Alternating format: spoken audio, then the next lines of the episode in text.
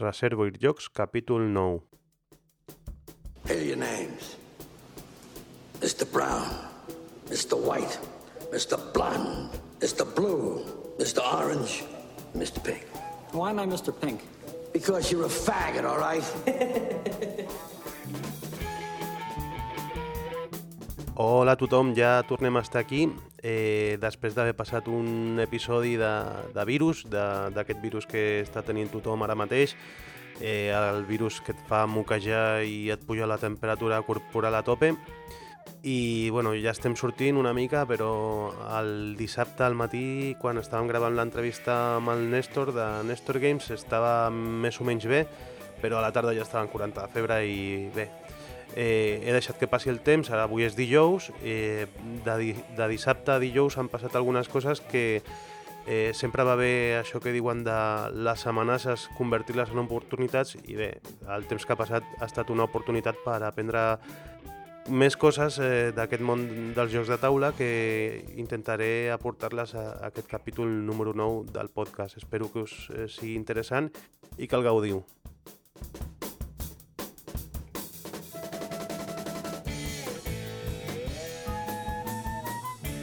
Aprofito per comentar que ja estem gravant amb l'equip titular de Reservoir Jocs, amb, amb el Rode Podcaster, aquest micro que s'ha fet derrugar una mica, però al final ja el tenim aquí i espero que la qualitat que doni sigui la que us mereixeu.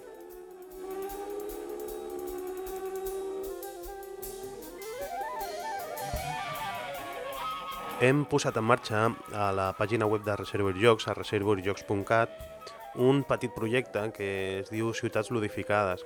Està sempre en contínua transformació, ara mateix està en la versió 0.1 i es tracta d'un mapa de Google Maps que intenta recollir eh, totes aquelles ciutats que han servit per donar nom a, a algun joc de taula. Per exemple, Carcassonne, o Troyes, o Marrakech. Eh, hem trobat 45 si vosaltres trobéssiu alguna més, si ens la volguéssiu fer arribar per correu electrònic a info arroba reservoirjocs.cat, l'afegiríem a, la, a la següent versió, a la 0.2. Així que esteu atents i si trobeu alguna altra eh, ens ho feu saber, vale?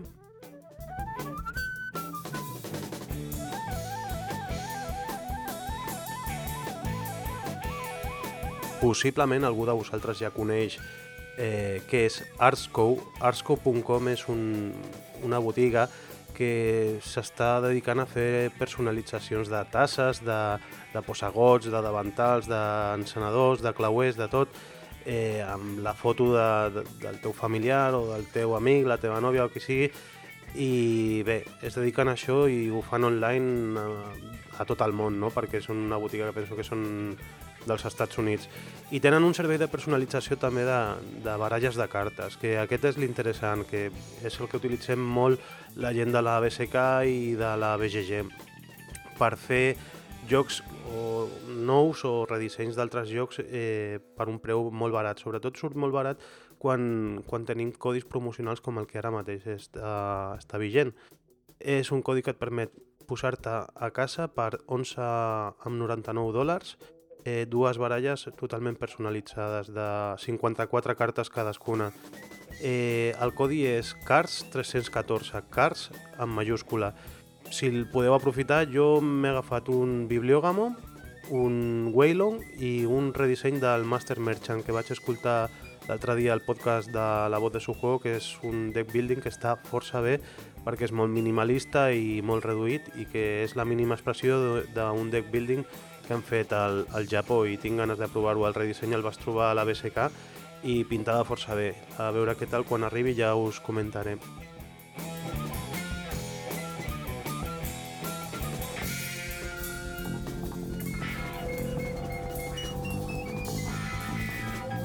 Passem ja a l'entrevista amb el Néstor de Néstor Games. És una entrevista que vam fer en castellà perquè ell és de Saragossa i no, no entén el català i bé, la van fer per Skype i ahir se li escolta un, una mica eh, amb eco o amb, o amb reverberació, però que tot el que diu se li entén bastant bé. Eh, res més, que la, que la disfruteu. Eh, buenos días, Néstor. Eh, eres, bueno, eh, el que está detrás de, de la compañía Néstor Games y nos gustaría que explicases un poco este lema que tienes de Fan to Take Away eh, en Esther Games, un poquito la filosofía de la empresa y, el formato de los juegos. Bueno, realmente el, eh, el, formato salió como lo único posible. Es decir, el, el, lema de diversión para llevar fue una consecuencia de esto. Estaba buscando un formato que fuera ligero para que pudiera venderlo yo directamente y enviarlo al cliente final y los gastos de envío fueran eh, pequeños. Y eso fue lo que me llevó a buscar un formato portátil, ¿sabes? Ligero, etcétera. Y digamos que el lema fue lo último. Lo último que, que encaje, ¿no? Ajá. Y se podría decir que, que, que tú eres eh, un editor que hace print on demand, eh, que cuando alguien te hace te pide un juego, ¿lo imprimes o tienes ya algunos en stock para poderlo servir? soy más bien un, una especie de ensamblador no sé cómo explicarlo, porque realmente, bien, yo imprimo cuando me lo piden, pero obviamente mm, sale un poquito más económico o más rentable si tengo, pues a lo mejor un stock de 10 eh, juegos de piezas para cada juego, por ejemplo, ¿sabes? No? Depende un poquito. Eh, por ejemplo, hay muchos juegos que utilizan piezas redondas, pues obviamente tengo toneladas de piezas redondas, ¿no? y lo que hago es un poco, pues, eh, pues las cojo, las peso, etcétera, ¿no? Pero, por ejemplo, hay otros juegos para los que, pues si se está vendiendo mucho, hago tiradas de 10 ¿no? Si luego se venden poco, pues hago tiradas más pequeñas, aunque me salgan más caras. es un poquito así, es un mantener un poco un equilibrio, ¿sabes? ¿no? Sí, sí. Entre la demanda y la, y la rentabilidad, ¿no? Eh, no, es que hay gente que dice que lo del print on demand que, que, que, va a ser el futuro, entonces no, por eso te lo preguntaba, pero claro, también tienes tu razón que igual es más caro hacerlo individualmente, pero bueno. Sí, el, o sea, el print on demand desde luego es el futuro, pero hay que, ya te digo, encontrar un equilibrio, ¿sabes? Eh, porque la, la pela manda, ¿sabes? Y, a veces hay que hacer una pequeña, ¿sabes? Una pequeña industrialización del print on demand, no sé si me explico, ¿no? Sí, eh, sí, sí, sí. Digamos que utilizar todas las piezas que puedas, ¿no? El stock, la industria, el print on demand, un poquito hacer un equilibrio entre todo esto. Ajá. Eh, luego también eh, te dieron el premio de diseñador español del año 2009-2010, eh, los de la asociación Jugamos Todos de Córdoba. Y nosotros, por alguna otra entrevista que te hemos escuchado, sabemos que tú estás muy orgulloso de, de, tu Adaptoid, que dices que es el juego que significó un antes y un después en, en, tu, en tu trayectoria, ¿no? Pero ¿qué otro juego de los tuyos estás valorando también últimamente? Pues tengo que decirte que uno que no he publicado todavía. estoy preparando un, un juego que me lleva, la verdad es que bastante tiempo, un abstracto eh, bastante grandote. Eh, voy a hacer en dos formatos, en un formato portable y otro formato más grande, como el Super Adaptoid, y que pretendo llevarlo a la feria de Essen. La verdad es que es, es un juego que me ha quedado bastante, bastante bien y le veo mucha, mucha salida, ¿no? Muchas posibilidades. Mm, Pero no puedo decir nada más, es, un secreto. Sí, sí, lo entiendo, por eso tampoco te, voy a preguntar más, porque si lo vas a llevar a ese y todo esto, pues... Eh, luego de otros autores, eh, ¿también estarás orgulloso de, de, alguno, de algún juego de los que, de los que tú estás distribuyendo? Eh, ¿Alguno especialmente? Um, a ver, esto es como elegir entre tus hijos, ¿sabes? ¿no? Es, un poco, es un poco complicado, ¿no? Realmente todos los autores eh, que tengo son majísimos, todos, ¿sabes? ¿no? Me llevo muy bien con ellos. Y, en fin, todos, todos merecen estar ahí, ¿sabes? ¿no?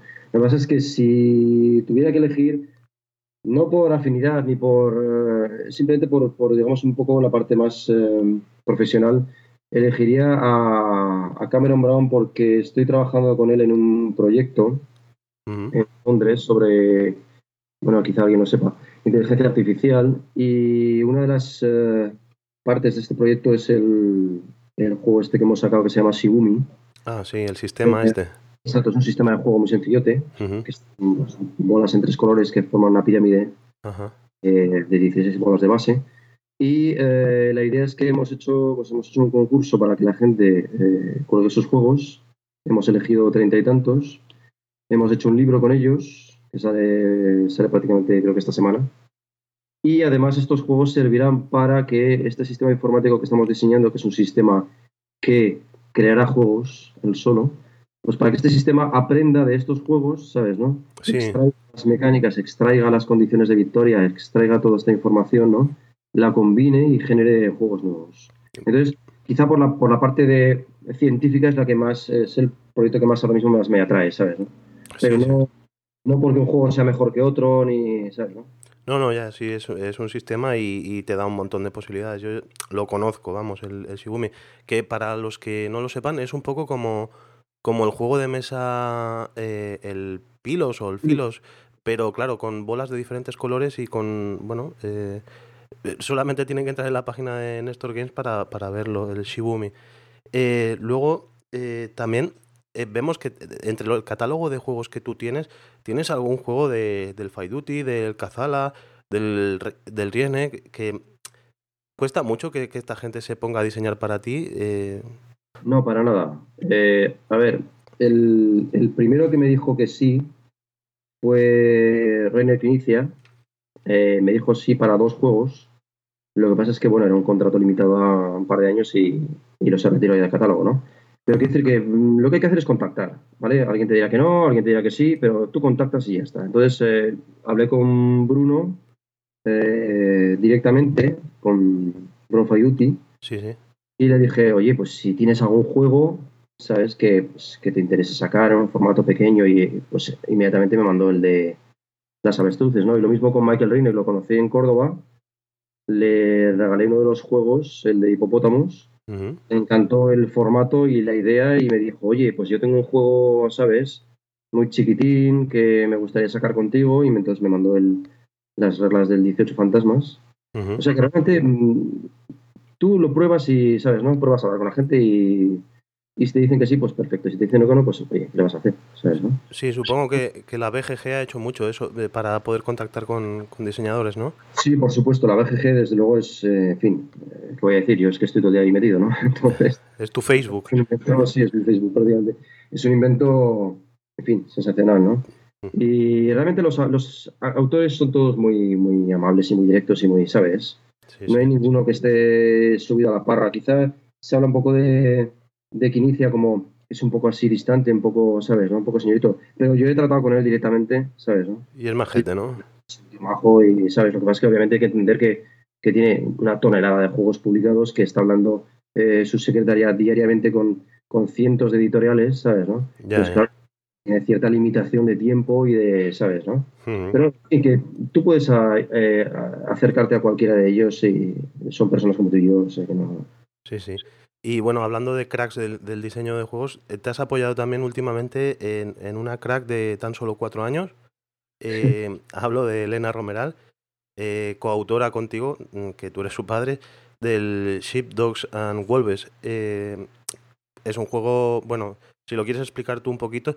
Y sobre todo me gustaría preguntarte cómo fue el proceso de creación conjunta con tu hija. bueno, yo estaba buscando em, Últimamente estoy enfocado en juegos que sean muy sencillos de aprender, porque cuando vas a convenciones o a, venta, a venta, directa, lo, que, lo que pretendes es que la gente lo aprenda rápidamente y entonces ya después lo descubra cuando se va a jugar. ¿no? Entonces estaba pues estaba en una época un poco enfocada en, en este tipo de juegos muy sencillitos. ¿no?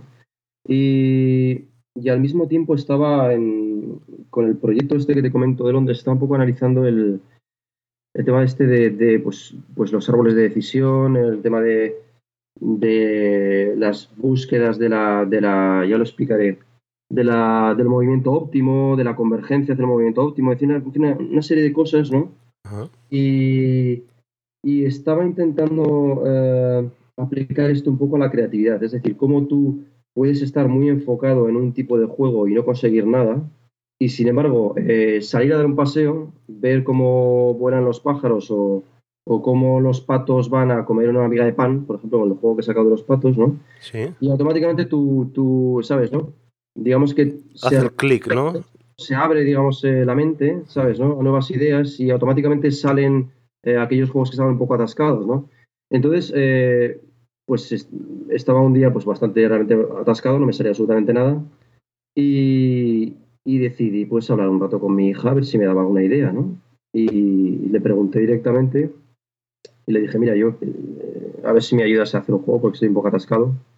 ¿De qué quieres que hagamos el juego? Me dijo, mira, papi, eh, porque además ella engancha enseguida cuando le, ¿sabes? No? Cuando le pregunto algo, Sí, sí. engancha enseguida con el tema. Me dice, mira papi, mm, ponemos una oveja aquí, luego ponemos un lobo aquí y ponemos un perro en medio para que el lobo no se coma a la oveja. Pero los lobos se quieren comer a las ovejas y las ovejas se quieren escapar de los lobos. Y Eso ahí- es todo lo que me dijo. Y ahí está, es que eso es el juego, sí, sí. Automáticamente en cuestión de 5 o 10 minutos, ¿sabes, no?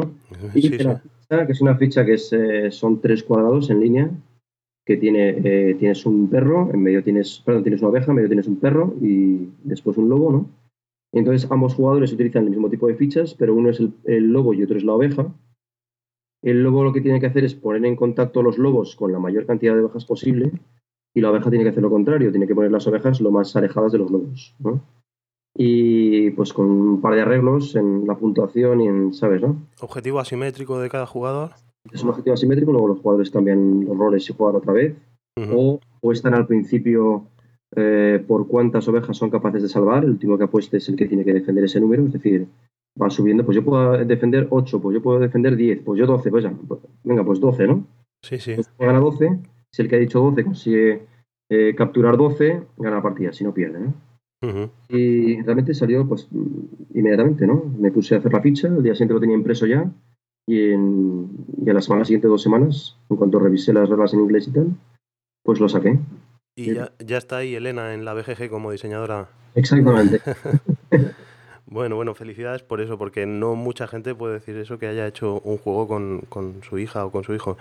Que hay alguno, algún caso más hay, ¿eh? Aquí en Cataluña el Josep María Llué eh, creo que está, bueno, que ha hecho como una segunda parte del Dixit que se llama Dixit Jinx y también ha salido también ahí de, de- de alguna historia conjunta con su hija Rita, eh, que ya le preguntaremos, pero bueno. Luego has hablado de convenciones también y nosotros más de una vez, alguna vez nos hemos encontrado también eh, a Néstor promocionando sus juegos en algún evento de, la asociación Mensa, que es una asociación que, agrupa personas con, un elevado cociente intelectual. Eh, ¿Qué tienen los juegos de Néstor Games que gustan tanto a la gente de Mensa? Pues eh, no lo sé, yo realmente no conocía a los, a los chicos de Mensa y mm, contactó conmigo eh, Virtudes, que es una de las responsables del- de la asociación en Barcelona, y fui a, pues, a una de las, eh, de las reuniones que hacen, ¿no? De juegos y tal, una de las jornadas de juegos, y bueno, me pareció gente muy maja, gente muy pillaba los juegos muy rápido, no sé, a lo mejor tienen cierta. Más, más que predisposición o más que. No sé, más que mm, mayor inteligencia, quizá tienen una mayor, un mayor interés, ¿no? Ujú. Que otra cosa, ¿no? Entonces eh, es más fácil explicar los juegos a una persona que viene directamente a devorar todos los juegos que traes, ¿no? Ya, ya. No, No, yo estaba pensando, digo, igual es porque son abstractos y, bueno, no sé, tienes ahí un poco la herencia de, de los juegos abstractos de toda la vida, ¿no? Que también tienes algún clásico en, en- en tu catálogo, ¿no? Eh, y lo que te iba a preguntar ahora es, entendemos que los juegos de, de Nestor Games son mayormente portátiles, pero ¿podemos decir que siempre son abstractos o está cambiando un poco la tendencia? Y me refiero un poco, no sé, he visto el, el de Sleepers del Stephen Taverner, eh, que tiene un trasfondo histórico de la Francia ocupada en la Segunda Guerra Mundial, mm, múltiples condiciones de victoria, ocultación de información. ¿Están, ¿Están evolucionando un poco algunos juegos de Nestor Games? Eh, bueno, el hecho de que la mayoría sean abstractos no es porque prefiera publicar abstractos, es porque el formato es muy limitado. Entonces, eh, los juegos abstractos pues siempre tienen menos fichas o una producción más sencilla, ¿no? Pero, por ejemplo, eh, como bien dices, Sleepers eh, lo he podido sacar porque, aunque es un juego temático, simplemente es un tablero con unas cuantas fichas impresas. Bueno, de hecho están grabadas con láser y luego pintadas. O sea, la producción es bastante, bastante maja, pero es porque es por el formato, no por el hecho de que sean abstractos. ¿no? Por ejemplo, me cuesta mucho eh, esfuerzo hacer cartas, Ujú. porque tengo que hacer tiradas medianamente grandes. Entonces, solo uno de los juegos que he sacado tiene cartas, que es el Top Speed. Y el Top Speed no tiene nada de abstracto, por ejemplo, ¿no? Es un juego de, de, De coches, de sí. tu suerte y, ¿sabes, no? Eh, muy del estilo del Link and Gold, ¿no?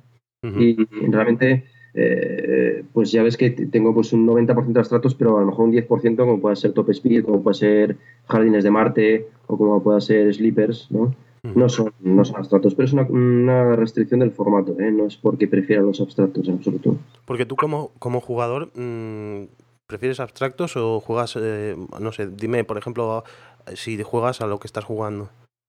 Que no sea tuyo, vamos. Sí, hombre, mm, sí que me gustan los abstractos más como jugador, pero mm, no porque no me guste los juegos con suerte. Eh, los juegos con suerte mm, me gustan solamente algunos tipos. Por ejemplo, no puedes. Eh, a mí no me gustan los juegos en los que tú no puedas controlar la suerte. Es decir, lo que tienes que hacer en un juego, lo que me gusta hacer en un juego es maximizar mis opciones, ¿sabes? ¿no? O eh, poder manejar una situación que ha sido provocada por la suerte, pero no dejar mis, eh, mi estrategia en manos de la suerte. No sé si me he explicado, ¿no? Entonces, eh, todos estos juegos que al final se deciden con la tira de dados, o, ¿sabes, no? Ya, ya. al final, eh, pues una persona tenía una carta, ¿sabes?, que, que, que, destroza toda la partida. Este tipo de juegos, pues la verdad es que no, no me gusta mucho. Pueden ser divertidos en algún momento, ¿no? Pero, pero no, no son de mi devoción, ¿no? Hablamos una vez em, de que nos parecían fantásticos los juegos de, del, proyecto GIF. Eh, supongo que, que, alguno tienes también que... Porque son algunos me recuerdan, a, digo, este, este juego se podría haber hecho en formato Nestor Games también. ¿Tienes alguno de este proyecto que sea tu favorito? De hecho, eh, prácticamente todos, bueno, quizá quitando aquellos que, que usen apilamiento de piezas, como el One, por ejemplo, porque para apilar piezas, pues eh, mi tecnología tiene ciertos problemas, ¿no? Como por ejemplo el grosor del metacrilato, que no siempre es el mismo. Pero vamos, quitando los de apilación de piezas, pues eh, prácticamente todos podrían encajar, ¿no? En mi, formato. Eh, y de hecho podría contactar con Chris Boone. Lo que es que Chris Boone es una persona que le gusta mucho controlar la producción. De hecho, creo que ha vuelto a reeditar casi todos ellos otra vez, o me ha parecido ver. Entonces no, no sería posible sacarlo con, mi formato, pero porque conozco a este hombre y sé que no, no lo haría, ¿no? Él prefiere sacarlo con su propio su propia producción, ¿no? pero luego sí que encajaría y además son, son unos juegazos, vamos... Eh, Impresionante, sí, sí. Bueno, eh, eres un, podríamos decir que eres un diseñador global porque diseñas para todo el mundo, un editor global, la, la web está en inglés, en alemán y en español. Eh, aprovechando esto, ¿Tú has notado tendencias de mercado?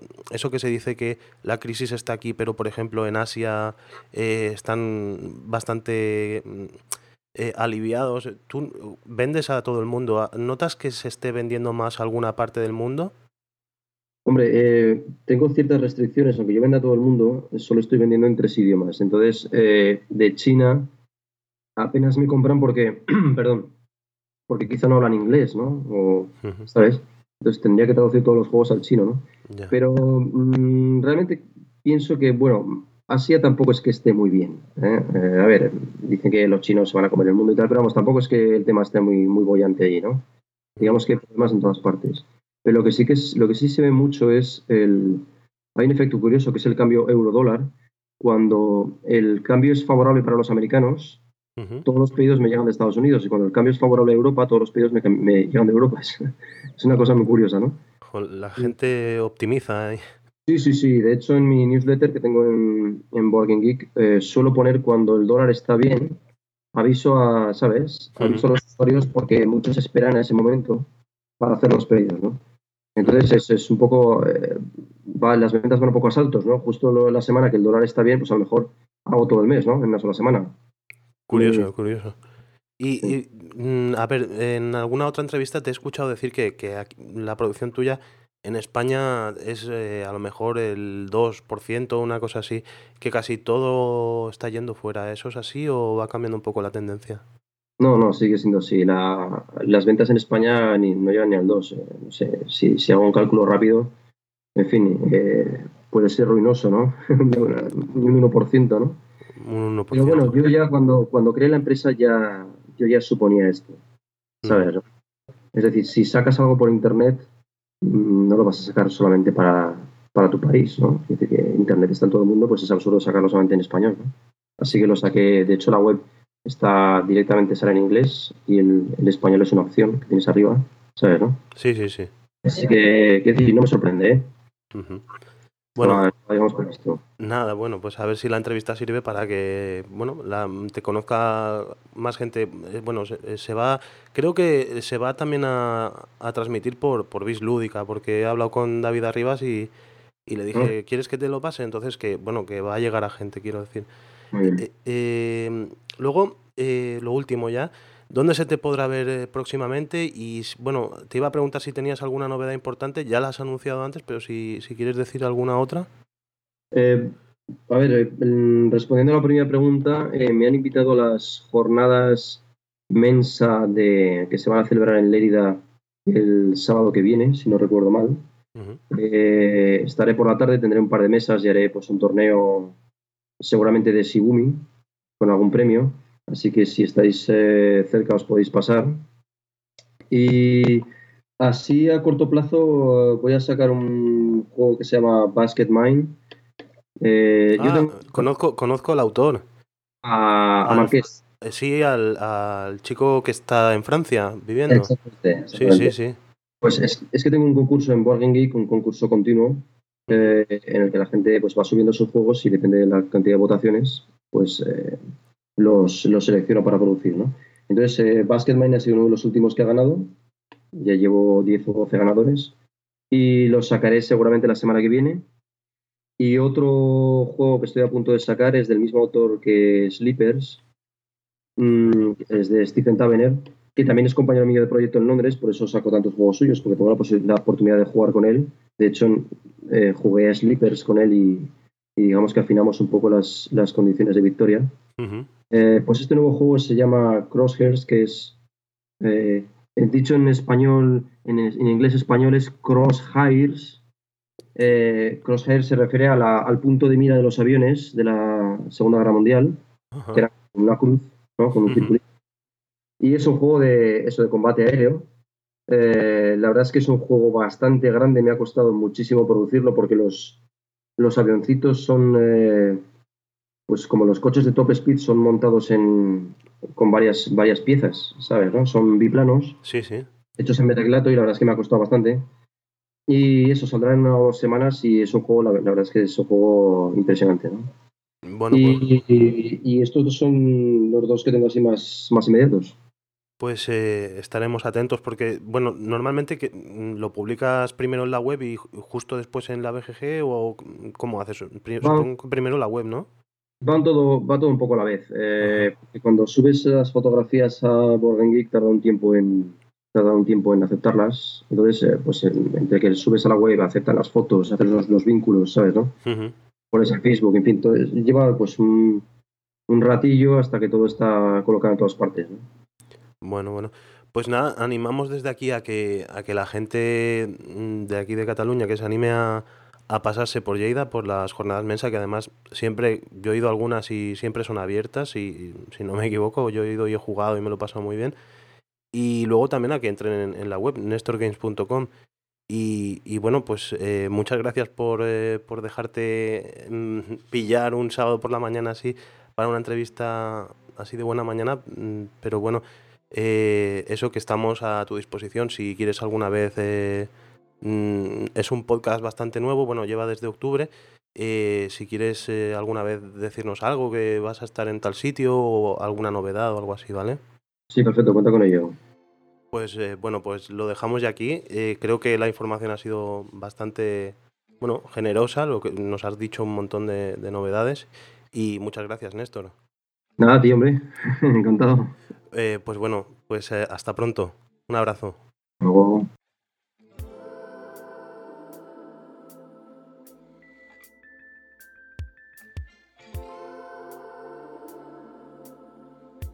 Bé, ja heu escoltat el Néstor, com sempre un plaer parlar amb ell, molt, molt simpàtic. I, I bé, continuem, perquè també aquesta setmana, el, el dimecres, havia d'anar a Barcelona a recollir un premi d'un concurs d'idees que va desenvolupar el, el Jordi Graells. El Jordi Graells és un, un treballador de la Generalitat que s'està dedicant molt a, a la potenciació de l'ús de les TIC i va posar en marxa un concurs d'idees a la pàgina web inventem.cat, no? eh, jo vaig participar en 3-4 idees i una de les meves va resultar guanyadora i el premi era un joc Inventum. Eh, no parlo d'això pel joc Inventum en si, sinó perquè el, el joc on havíem d'anar a buscar el premi era al Centre d'Estudis Jurídics i Formació Especialitzada de la Llene, al carrer Ausias Marc 40. Eh, el lloc en si no té res d'especial, el que passa és que sí que ara mateix té una exposició que durarà aquest mes de març i el proper mes d'abril, eh, que és una exposició que es diu I Llugues, i és una exposició molt interessant perquè són jocs de taula eh, que estan fets artesanalment per gent de, interns dels centres penitenciaris eh, de Catalunya, de, de Brians, de, de Girona, de Quatre Camins, de Lledoners, i, i la veritat és que la feina que fa aquesta gent està de conya. Jo vaig veure un croquinol, per exemple, o un pastrap, que són jocs que, que es poden anar a comprar a les botigues, són jocs de fusta gran i, i són cars i aquests estaven, semblaven el, els originals, o sigui que la qualitat de, de com han acabat la feina està mm, de conya.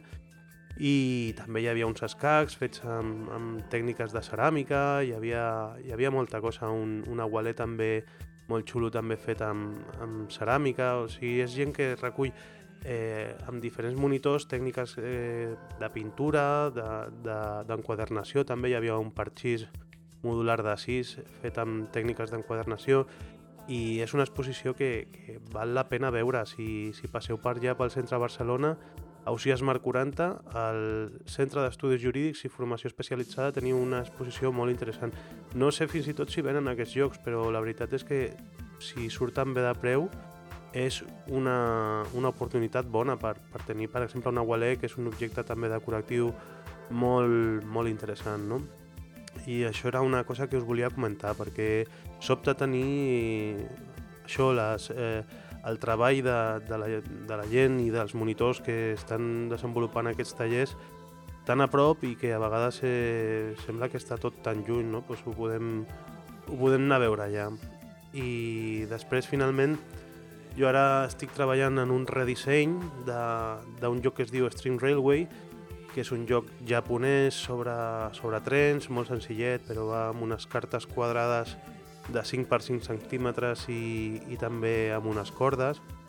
I em vull fer la meva pròpia versió perquè crec que, el, que sortirà al mercat per Asmodee però no confio que surti en Espanya i tal, i al final pues, no em costa res fer-me la, la meva pròpia versió i ja us eh, faré 5 cèntims de, de com m'està quedant. I res més, aquest dissabte tenim una trobada amb, amb el grup de, bueno, amb un grup de, de gent que vam conèixer quan vam fer el 2005 un viatge de solidaritat eh, a un camp de solidaritat a Guatemala la Laura, que és la germana del Víctor. El Víctor ja he parlat aquí d'ell, és eh, el noi que em va acompanyar al torneig de la llum de Carcassonne, a Manresa. Doncs eh, la seva germana organitza una trobada on jugarem a jocs de taula i ho intentarem passar el millor possible. Ho farem eh, aquest dissabte a partir de les 5 de la tarda al bar de Nou Barris, La Cotxera.